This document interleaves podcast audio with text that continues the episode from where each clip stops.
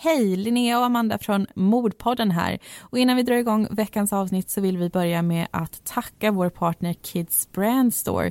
De kommer vara med oss en hel del framöver nu och hos dem så hittar du kvalitetskläder för barn och ungdomar från flera av världens ledande varumärken. Jag kan tänka mig att de flesta känner igen till exempel Ralph Lauren. Och när jag tänker på Ralph Lauren då tänker jag främst på pikétröjor. Jag vet inte riktigt varför men för mig så är det typiskt för det märket. Just den här klassiska och tidlösa stilen. Men det finns ju även till exempel kepsar som man också kan hitta hos kidsbrandstore.se. Och just nu så har de ju en tävling där man har chansen att vinna 3 000 kronor att handla för. För att vara med och tävla så ska man lägga upp en eh, bild på Instagram med hashtaggen brandmeup18 och så kan du kommentera vad du är sugen på för vårkläder. Men nu är det dags att rulla igång avsnittet.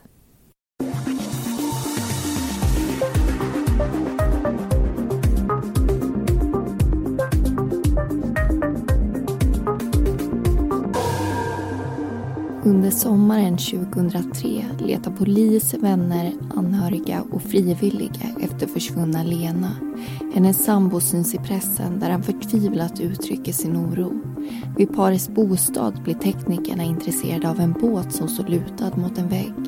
Ett märke avslöjar att den har halkat ner en liten bit från sin vanliga placering. Dessutom ser det ut som någon har varit och grävt just där. Och när området undersöks bekräftas tyvärr allas mardrömmar. Lena är död. Alla spår leder till en person. Personen förnekar mordet men erkänner sedan gärningen för att slutligen förneka en gång till. Så vad är det som har hänt?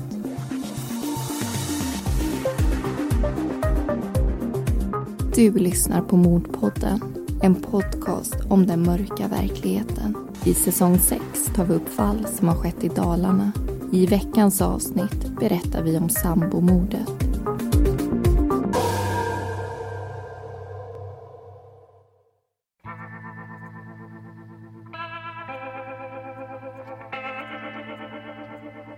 Svartsjuka. Är det någonting mörkt och farligt? Eller kanske i själva verket ett tecken på att man bryr sig om den man älskar? Även om många tycker olika i den frågan är de flesta överens om en sak det finns en gräns. En gräns för hur svartsjuk man kan vara innan beteendet blir just svart och sjukt. Den här veckan ska vi berätta om ett fall där gränsen passeras ordentligt. När Fia är 14 år gammal blir hon tillsammans med Torbjörn. Men precis som det brukar vara i den åldern är förhållandet svajigt. Det tar slut lite då och då men det unga paret lyckas ständigt hitta tillbaka till varandra. Den första tiden är pojkvännen charmig och omtänksam men Lena upplever att han blir mer och mer svartsjuk och kontrollerande. Han ska ha reda på precis allting. Om hon ska iväg vill han veta vem hon ska besöka och när hon planerar att vara tillbaka. På fester är det värst. Om Fia är borta en längre stund när de är ute måste hon redogöra för vad hon har gjort och vem hon har pratat med. Om det råkar vara en manlig person vill Torbjörn veta vad de har sagt och varför. Vissa gånger följer han med henne in på toaletten för att försäkra sig om att det är just dit hon går. Trots att Fia svarar på pojkvännens frågor är det inte alltid han blir nöjd med hennes svar. Ibland tror han att hon ljuger och då kan han straffa henne. Oftast när hon pratar med någon annan man. I hennes ögon är det bara prat. I Torbjörns ögon är det någonting mer. Men trots våldet och kontrollen tror Fia på pojkvännen när han säger att han älskar henne. Men när de är 18 år gamla säger Torbjörn åt Fia att sätta sig i hans knä. Han är full. Fia gör som hon blir tillsagd och Torbjörn pussar henne på pannan. Men kort därefter reser han sig häftigt upp. Fia ramlar ner på golvet. Torbjörn säger åt henne att det är slut. Hon kan ta sitt pick och pack och dra. Det gör hon också. Förhållandet är över. Men i juli 2002 blir vuxna Fia på ett oväntat sätt påmind om sin ungdomskärlek. Hon står och tittar ut genom fönstret och slås av hur vackert och grönt allting är på sommaren när telefonen ringer. Det är Lena. Fia känner henne inte, men hon vet vem hon är och att hon är tillsammans med Torbjörn. Lena berättar att hon behöver Fias hjälp. Hon hade hört att Fia blivit slagen av honom och vill veta hur hon gjort det för att ta sig ur förhållandet. Lena vill själv samla kraft för att lämna Torbjörn. Fia tycker sig höra på hennes röst att hon är rädd. Hon säger åt Lena att hon måste ta sig därifrån. Men Lena är kluven. Hon vill lämna förhållandet. Det är ju faktiskt därför hon ringer. Men samtidigt säger hon att det inte är så lätt som det låter. Hon älskar ju honom. De båda kvinnorna pratar i ungefär en timme innan de lägger på. Lena och Torbjörn hade blivit ett par 1996 och flyttat ihop året därpå. Precis som för Torbjörn och Fia hade förhållandet börjat lugnt och bra. I alla fall enligt vad vännerna hade kunnat se utifrån. Men någonting förändrades. Vi befinner oss i ett litet samhälle i Vansbro kommun drygt åtta mil från Borlänge. Det är sommar år 2001. Lenas vän Anna är på loppmarknad. Bland de begagnade prylarna befinner sig också Lena.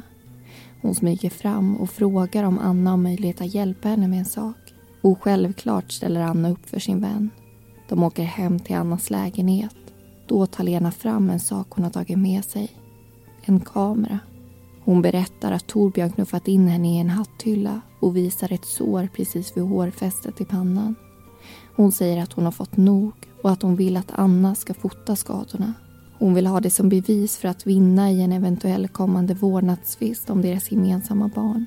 Anna tar kameran och klickar av flera bilder på såret. De fotar ute på balkongen för att få så bra ljus som möjligt. Men planen går inte i lås. På något sätt lyckas Torbjörn vid ett senare tillfälle få tag i både korten och negativen. Så bevisen förstörs. Det är inte bara Anna som får höra talas om hatthylleincidenten. Lena ringer även sin vän Margareta. Hon berättar att Torbjörn varit svart i ögonen och helt okontaktbar när det hände. Margareta och Lena hade varit nära vänner i flera år och delade allt med varandra. Men fram till 2001 hade Lena inte sagt ett ont ord om Torbjörn. Det verkade som att deras förhållande var sunt och lugnt. Men när hon ringer och berättar om hatthyllan förstår Margareta att det förändrats drastiskt. Och det verkar inte heller vara en engångsförteelse. Lena berättar nämligen under samtalet att det inte var första gången Torbjörn gjort henne illa. Det har hänt förut. Margareta frågar sin vän varför hon är tillsammans med Torbjörn om han skadar henne. Svaret är lika enkelt som det är komplicerat. Hon älskar honom. Hon förstår att hon inte kan vara tillsammans med någon som beter sig på det här sättet. Men hon tror att hon kan få tillbaka den mannen hon blev förälskad i om de går i familjeterapi. När hon föreslog det hemma hade Torbjörn till en början varit positiv till idén. Men sen sa han att det inte fanns någon anledning för honom att delta. Det var ju hon som behövde terapi, inte han. Torbjörn har i förhör uppgett en annan version av det hela. Han menar att det var han som föreslog att hon skulle gå i terapi och att det var Lena som nekat. Hon tyckte att det räckte med kuratorsamtalen hon hade på jobbet. Men vem som talar sanning får vi nog aldrig veta. Samma kväll som Lena ringer Margareta och berättar om våldet i hemmet träffar Margareta Torbjörn i Hagforsparken. Hon frågar honom vad som hänt och Torbjörn erkänner att han gett sin sambo en örfil men att det hade berott på att hon var helt hysterisk. Han menar att Lena är jättesvår att leva med. Han säger det ena negativa utlåtandet efter det andra. Hon är slarvig och sköter inte hemmet i hans ögon. Under samtalet är han lugn och samlad. Men senare under året skulle någonting liknande hända igen. Det är vinter. Isen ligger på marken. Lena och Torbjörn gör sig i ordning inför en härlig kväll med vänner i Malung. Men stämningen är dålig. Torbjörn gillar inte kläderna som hans sambo har valt att ta på sig. För att inte riskera att göra Torbjörn på ännu sämre humör bestämmer sig Lena för att inte dricka någon alkohol den kvällen. Då kan han i alla fall inte anmärka på att hon är för full. Under kvällen undviker hon dessutom att prata med andra män. Hon vill ju inte göra Torbjörn... Say hello to a new era of mental health care. Cerebral is here to help you achieve your mental wellness goals with professional therapy and medication management support. 100% online. You'll experience the all new Cerebral Way, an innovative approach to mental wellness designed around you. You'll get a personalized treatment plan from a therapist, prescriber, or both in a safe and judgment free space. Your cerebral therapist or prescriber will outline a customized plan with clear milestones along the way so you can get to feeling your best. With Cerebral, you're not alone in your mental health journey. We're here to empower you to live a fulfilling life.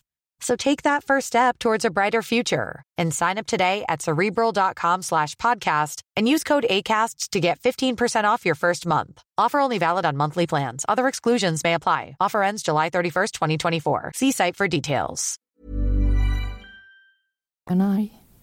Men trots sin ansträngning för att inte reta upp honom lyckas hon inte hela vägen. Plötsligt känner hon ett nyp i baken. Hon tar för givet att det är Torbjörn och vänder sig om och ler.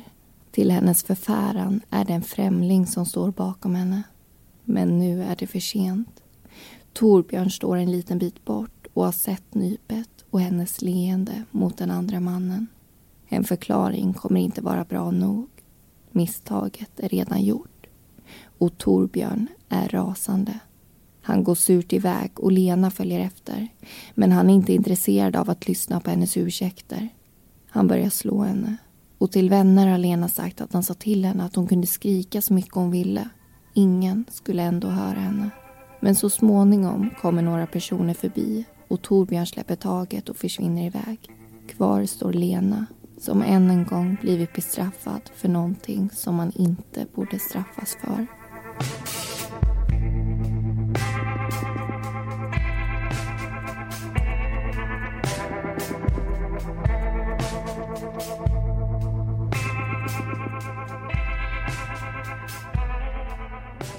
Hej och välkomna in i studion efter den första delen av sambomordet.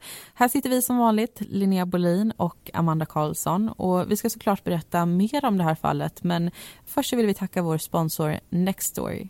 Nextory är en ljud och e-boktjänst och det fungerar som så att du betalar en liten peng i månaden och så får du lyssna på eller läsa precis hur mycket böcker du vill. Och jag kollade faktiskt igenom deras utbud inom true crime häromdagen. Och det var en titel som fick mig att haja till. 14 år till salu heter den och är skriven av Caroline Engvall. Har du läst den? Jag har faktiskt gjort det. Jag tyckte det var så intressant att du valde den boken. Jag kommer ju inte ihåg den till 100 procent men eh, jag har läst den. Ja, men för jag läste den för massa, massa år sedan så jag kommer inte ihåg allting heller. Men det är verkligen en bok som etsar sig fast hos mig för vissa böcker är ju så. Mm. Och det här det är en sann historia om en ung svensk tjej. Hon lever ett helt normalt liv men börjar med nätprostitution utan att omvärlden märker någonting. Så boken handlar helt enkelt om vad det är som gör att hon hamnar i, i den här situationen och hur hon sen kommer ur den.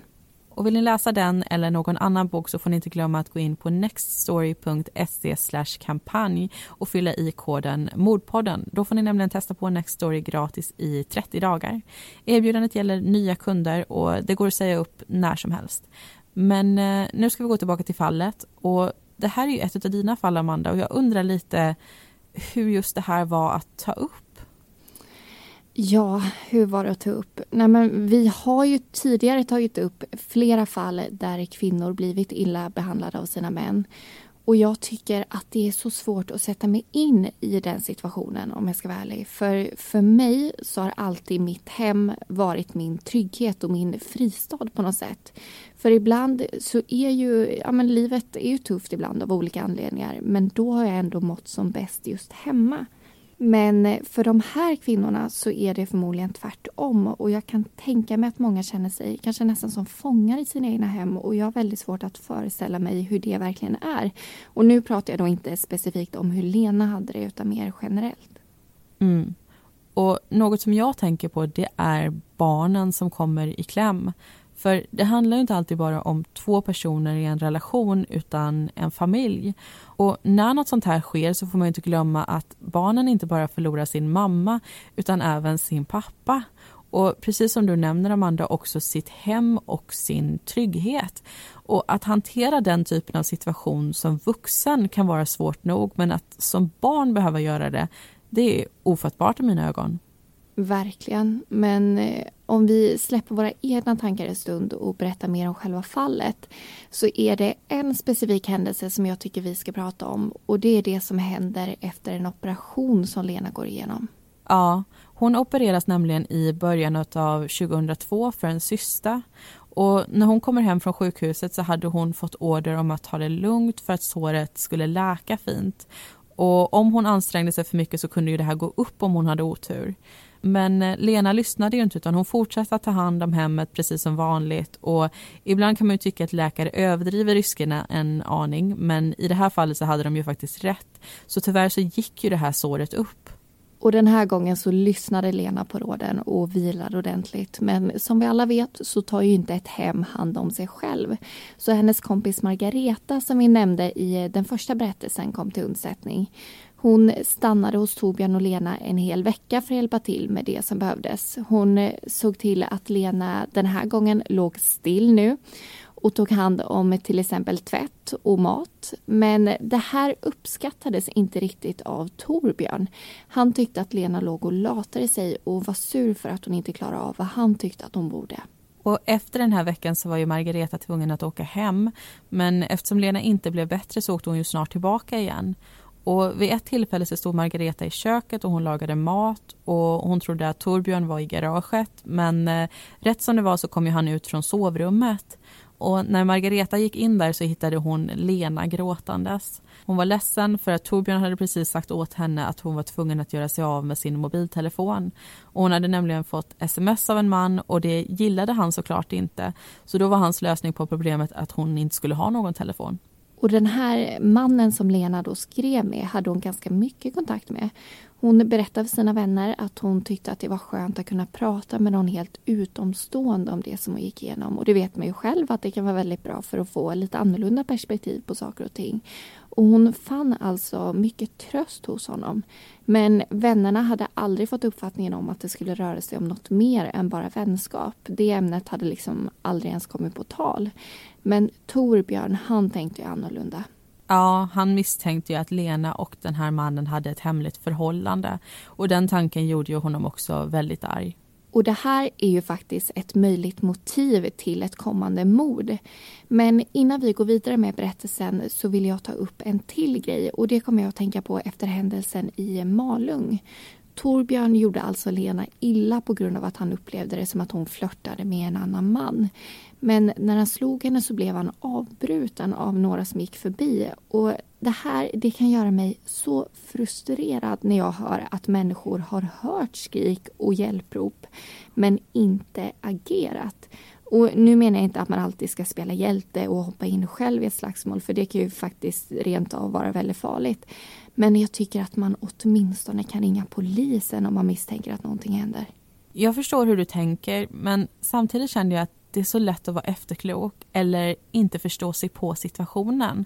Alltså, kommer man exempelvis dit när allting är över och man ser att en person gråter men man vet inte vad som hände innan då kan man ju egentligen bara anta och gör vi polisanmälningar på allting som vi antar så skapar ju det också problem.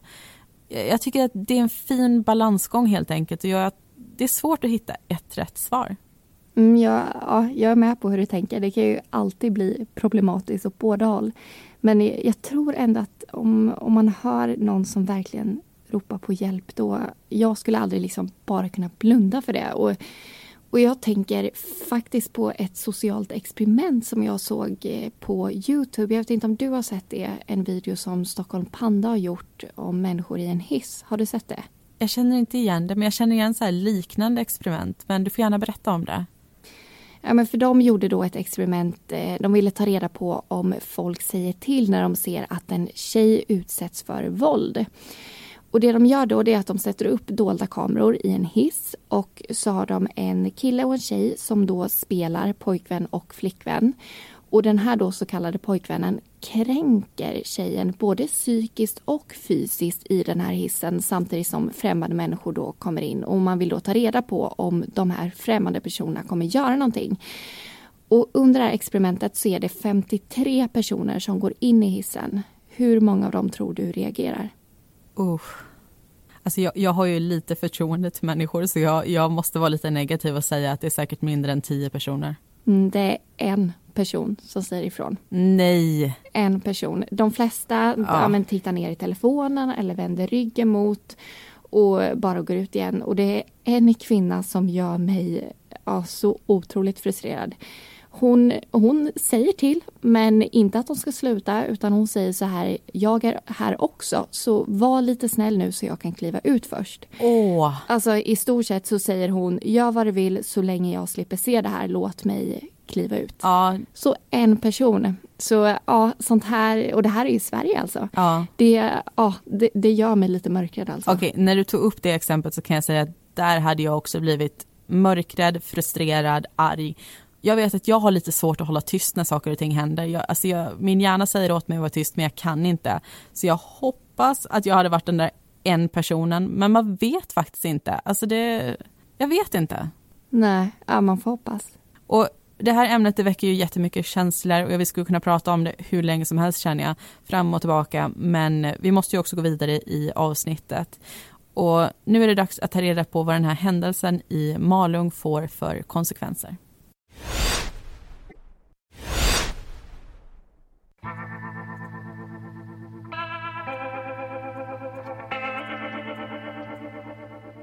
Efter bråket i Malung bestämmer sig Lena och Torbjörn för att gå isär ett tag. Torbjörn får upp intresset för en annan kvinna. Men det är ingenting som stör Lena speciellt mycket. Hon berättar för sina vänner att det är hennes lycka och den andra kvinnans olycka. Men det blir aldrig någonting seriöst mellan Torbjörn och den nya kvinnan. Och han och Lena hittar tillbaka till varandra igen. Det är bra igen. Han är snäll nu, säger Lena till sina vänner. Hon lovar att det aldrig varit så bra som det är just nu. Trots det har hon två stressutslag på halsen. Lena är sitt vanliga glada jag. Men runt julen 2002 märker vännerna en förändring. Hon är tystlåten och det är svårt att få kontakt med henne. Hennes vän Åsa träffar bara Lena på arbetet eller när hon har Torbjörn vid sin sida. De får aldrig prata ostört, bara de två. Helgen innan Lena försvinner är hon och Åsa på samma evenemang i Västerås. Men de talar inte med varandra. Lena undviker sin vän totalt och håller sig till Torbjörn. Det är inte alls lik Lena. Hon brukar ge sig iväg och mingla runt med alla människor. Men nu är hon som fastklistrad vid sin sambos sida. Det är tisdagen före Lenas försvinnande.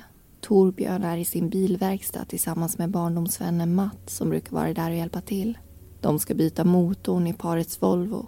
Torbjörn är allmänt irriterad. Han menar att det är Lenas fel att bilen är sönder. Hon har tydligen kokat sönder motorn. Torbjörn har tidigare berättat för sin vän att han är ganska missnöjd med sin sambo. Han påstår att hon inte sköter hemmet, att hon är dålig på att städa och att han förväntar sig att allting ska vara i sin ordning när han kommer hem från jobbet, men att det ofta är stökigt. När de står där i verkstaden och Torbjörn beklagar sig över bilen slänger han ur sig att han bland annat ska smeka Lena med en stekpanna. Mats tar inte hans ord på allvar. Torbjörn har alltid haft den jargongen och slängt ur sig liknande kommentarer under hela sin uppväxt. Han ska alltid kommentera allt och alla och göra sig lustig över det. Det är den 10 juli år 2003. Lena har varit funktionär för Vansbrosimmet under dagen men nu på kvällen väntar lite festligheter. Hon och Torbjörn grillar och dricker öl tillsammans med några vänner. Lena är på strålande humör. Hennes andra hälft är däremot hemskt butter. Han är sig inte lik och vill knappt prata med någon. En vän till paret försöker få kontakt med honom men han slår bara ut sina armar som han annars placerat som ett kryss över bröstet. En tydlig gest för att visa att han inte är intresserad av något småprat. Istället tar han sig till öltältet där han står kvar en lång stund. Bara rätt upp och ner och allmänt grinig. När de grillar vill han sitta för sig själv och när han får frågan både från Lena och vänner om vad som är fel skyller han på huvudvärk. När några vänner till paret ska åka hem frågar Lena om de kan få åka med. Det får de. Det är trångt i baksätet så Lena hoppar över till framsätet. De spelar musik, skrattar och skojar. Torbjörn sitter tyst där bak. En av passagerarna försöker få honom på bättre humör genom att dra igång en låt med en skämtsam text som han vet att Torbjörn gillar. Men det hjälper inte. Han bara muttrar något lite tyst för sig själv. Han kanske är trött. När de nästan är hemma stannar plötsligt bilen. Det är något fel på batteriet. Torbjörn hoppar ur. Lena följer efter. Det ser ut som att de är oense om någonting. Lena är den enda av dem som återvänder. Torbjörn har bestämt sig för att gå den sista biten hem. Samtidigt har en av passagerarna sprungit hem och hämtat starthjälp. Strax efter klockan två är bilen igång igen tack vare kablarna. De kör vidare och lämnar av Lena vid hennes hem. Torbjörn har precis kommit dit. Lena tar fram plånboken. Hon vill betala för skjutsen och bensinen. Men bilägaren insisterar och säger att han bjuder på skjutsen. Det är sista gången någon annan än Torbjörn ser henne i livet. Dagen därpå får Lenas vän Anna ett samtal från Torbjörn. Han undrar om hon vet var Lena är någonstans. De hade tydligen grälat och sedan dess har han inte sett till sin sambo. Torbjörn lovar att ringa tillbaka till Anna om Lena kommer hem igen. Men det gör hon inte. Så klockan halv ett på natten ringer Anna polisen och anmäler försvinnandet. Det blir starten på en stor polisutredning. Det är en omfattande undersökning som påbörjas. I mer än två månader söker polis, anhöriga, vänner och frivilliga efter Lena. Samtidigt som sökandet pågår vänder sig Torbjörn till medierna och berättar förtvivlat om hur orolig han är för sin försvunna sambo samtidigt som han håller upp ett foto på henne.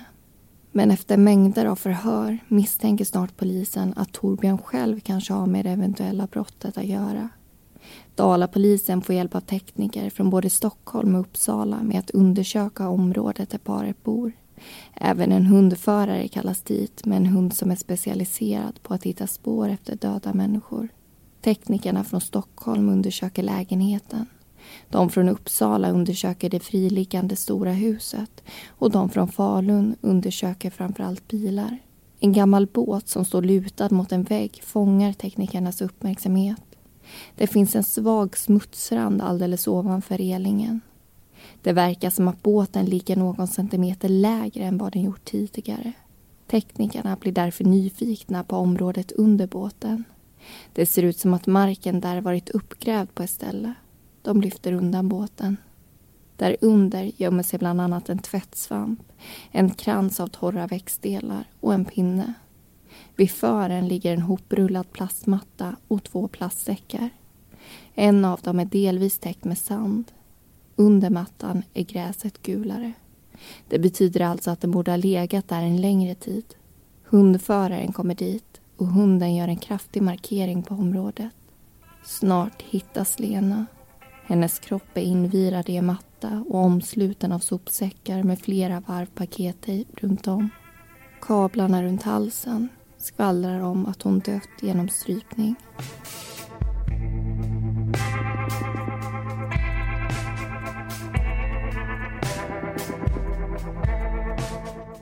Du lyssnar på Mordpodden. I säsong 6 tar vi upp fall som har skett i Dalarna.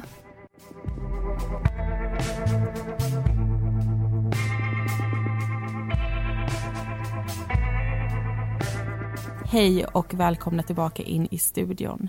Det har som ni förstår blivit dags för den andra diskussionen och vi fick ju precis höra att Lena försvann och tyvärr sen hittades mördad. Men eh, det råder lite olika meningar om hur det gick till just när hon försvann. Lena fick ju skjuts hem till sin bostad men efter det så är det ju ingen förutom Torbjörn som har sett henne och han har ju en egen version av vad som hände när de kom hem. Ja, enligt honom så var de ganska irriterade på varandra.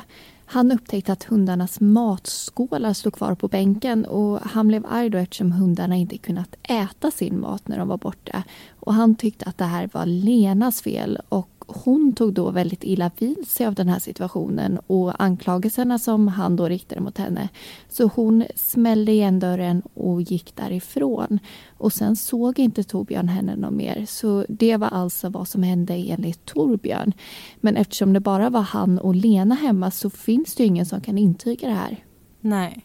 Och Vi tänkte också ta tillfället i akt och berätta om en händelse som egentligen inte har med själva mordet att göra men som ändå är väsentlig när man tittar på helhetsbilden. Och Det har ju med några hundar att göra. Ja, det är en vän till paret som berättar om det här. Två hundar hade vid ett tillfälle tagits in på hennes gård och skadat hennes dotters katt. Och hon hade lyckats få in de här hundarna i sin bil och ringde sen Lena för att få hjälp med att ta reda på vem som ägde hundarna. Och Lena hon visste vilka ägarna var och ringde men de kunde inte komma så då ryckte Torbjörn in. Men kanske inte på det sättet som man hade önskat. Nej.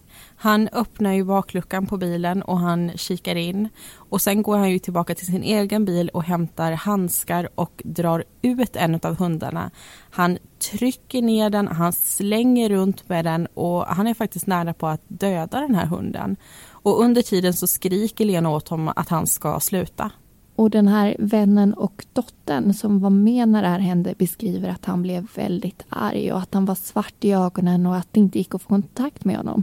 Men som tur var så lyckades han i alla fall hejda sig så den här hunden klarade sig. Och när de sen då frågade vad han höll på med, för de var ju ganska chockade över att ha sett det här, så svarade han bara att hunden förtjänade det.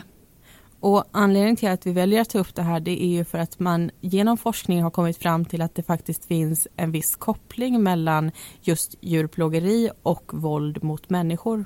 Jag har för mig att vi berörde det här ämnet lite snabbt i något av våra första avsnitt. Jag tror mm. att det var tältmordet i Orrefors om jag inte missminner mig. Men jag tycker att det här är intressant så det förtjänar att tas upp igen. Och amerikanska FBI de kunde ju faktiskt redan på 80-talet konstatera genom studier att det finns en tydlig koppling mellan djurplågeri och just sexualbrott och våldsbrott riktade mot kvinnor. Och Uppsala Nya Tidning har skrivit en artikel om just det här och där står det att sambandet mellan just familjevåld och djurplågeri är glasklar. De har pratat med en sociolog som heter Karin Holmberg som har skrivit boken Med husbondens röst om våld mot djur i misshandelsrelationer. Och hon menar att det är en slags maktdemonstration som visas upp i förhållandet när en partner utövar våld mot ett djur. Och att misshandeln mot husdjuret då blir ett sätt att kontrollera och hota kvinnan. Och att det i sig kan vara en strategi för isolering. I den här artikeln så tar man ju även upp siffror som är ganska intressanta. En studie i USA visar att 82 procent av de familjer där våld mot djur förekom också hade ärenden hos socialtjänsten. Och I Storbritannien så kom man fram till en liknande slutsats fast åt andra hållet. År 2008 upptäckte nämligen socialtjänsten i England över 600 fall av övergrepp mot djur i samband med utredningar om mäns våld mot kvinnor. Så ett samband finns alltså, men det innebär såklart inte att alla som gör djur illa även gör människor illa eller tvärtom. Nej. Men eh, nu tycker jag att det är tid att återgå till berättelsen. Vi ska få höra vad rätten ansåg om just det här fallet.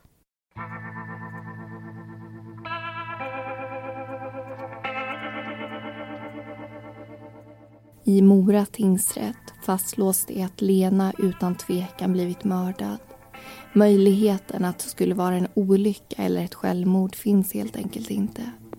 Lena försvann under natten den 11 juli 2003 och hittades sen nedgrävd på sin egen tomt. Det som försvårar utredningen och bedömningen är att ingen har sett själva dödandet eller ens nedgrävningen av kroppen. Torbjörn har genom alla förhör nekat till att han har med någon av de punkterna att göra och det är ju ganska märkligt om en skyldig person klarar av att neka till ett så grovt brott under hela åtta månader i häktet. Men han har samtidigt varit anmärkningsvärt undanglidande när viktiga omständigheter kommit på tal. Och han har även varit svävande i sina svar på flera avgörande frågor. Det finns flera saker som talar för att Torbjörn är skyldig. Dels har han haft både möjlighet och motiv att begå brottet. Det tas även med i beräkningen att han tidigare använt våld mot kvinnor men det behöver inte nödvändigtvis innebära att han är kapabel till att döda någon. Men under den ödesdigra natten mot den 11 juli 2003 hade han varit på väldigt dåligt humör. Många har berättat att han var sur och otrevlig men att han själv skyllde på huvudvärk. Och anledningen till att han lämnade bilen och gick resten av vägen hem efter motorstoppet verkar ha berott på att han var irriterad på Lena men det mest anmärkningsvärda och tunga beviset är att kroppen hittades i anslutning till parets bostad. Det hade varit väldigt svårt för någon annan att gräva ner den där utan att bli upptäckt. Det verkar dessutom som att mordet genomfördes i eller i närheten av huset. Så det pekar ytterligare mot att husets invånare det vill säga Torbjörn, haft med både brottet och nedgrävningen att göra. Både mordvapnen, mattan och en hel del annat som hittades vid kroppen kommer från bostadshuset. Ett fingeravtryck från Torbjörn hittas 50 centimeter in på en tejpremsa som hittats lindad runt Lena och ett fotavtryck under båten verkar stämma överens med hans. Lena var dessutom en väldigt omtyckt person och hade inga direkta fiender som ville henne illa. En märklig omständighet har med parets hundar att göra. När Lena var i livet brukade de få springa fritt på gården. Men efter att hon försvann fick de inte längre vara lösa för Torbjörn. Kan det kanske vara så att han visste vad hundarna skulle kunna gräva upp om han lät dem vara det? Torbjörn döms till lagens strängaste straff av Mora tingsrätt. Livstidsfängelse. Men historien slutar inte där. Ärendet går vidare till Svea hovrätt som fastställer domen. Med andra ord har Torbjörn bara en chans kvar att få ett lindrigare straff och det är i Högsta domstolen om de väljer att ta upp det. Och i ett förhör den 29 september 2004 faller korthuset. Helt plötsligt erkänner Torbjörn mordet och berättar att han tog livet av Lena på grund av att hon hotade att lämna honom för en annan man och ta barnen med sig. Hotet hade fått honom att se svart. Utan att tänka på konsekvenserna hade han i ren ilska strypt sin sambo hemma i sovrummet. Genom att till slut dela med sig av den här historien hoppas han kunna få brottsrubriceringen ändrat till dråp och därmed också få ett tidsbestämt och kortare fängelsestraff. Men till hans besvikelse meddelar Högsta domstolen att livstidsdomen inte kommer prövas. Fallet tar sedan ytterligare en oväntad vändning. I en intervju med Expressen tar han tillbaka hela sitt erkännande. Han menar att han ljugit om att han skulle vara den skyldige för att på det sättet förhoppningsvis få ett lindrigare straff. Men eftersom hans hopp ut från klippan misslyckades vill han nu ändra sig igen. Enligt Torbjörn har han blivit dömd på grund av att Lenas vänner vittnat om saker som inte har hänt. Han menar att det inte finns några bevis som styrker deras historier. Det grundar sig bara på vad Lena har sagt till dem. Han berättar för Expressen att han bara gett Lena en örfil en gång men att han inte har misshandlat henne. Det var galet av mig att erkänna. Men får man välja mellan att sitta livstid och erkänna och kanske vara ute efter fem år så valde jag det senare, säger han. Alla övertygande bevis mot honom försöker han vifta bort i artikeln. Erkännande eller inte Oavsett vad Torbjörn själv hävdar och säger är han utpekad av både tingsrätt och hovrätt som den skyldige. Någon har mördat Lena och mycket pekar på att det inte kan vara någon annan än just han.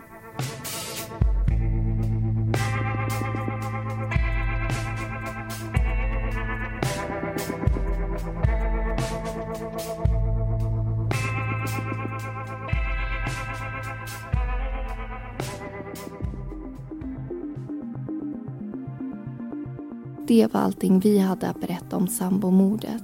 Personerna i berättelsen heter egentligen någonting annat och informationen är hämtad från domarna i fallet och artiklar. Tack så mycket för att du har lyssnat. Glöm inte att följa oss på sociala medier där vi såklart heter Mordpodden.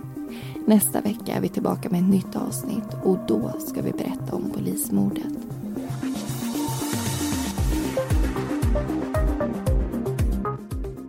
Du har lyssnat på Mordpodden. Vi som producerar den heter Amanda Karlsson och Linnea Bolin. Bakgrundsmusiken var bland annat Deep Space av Audionautics.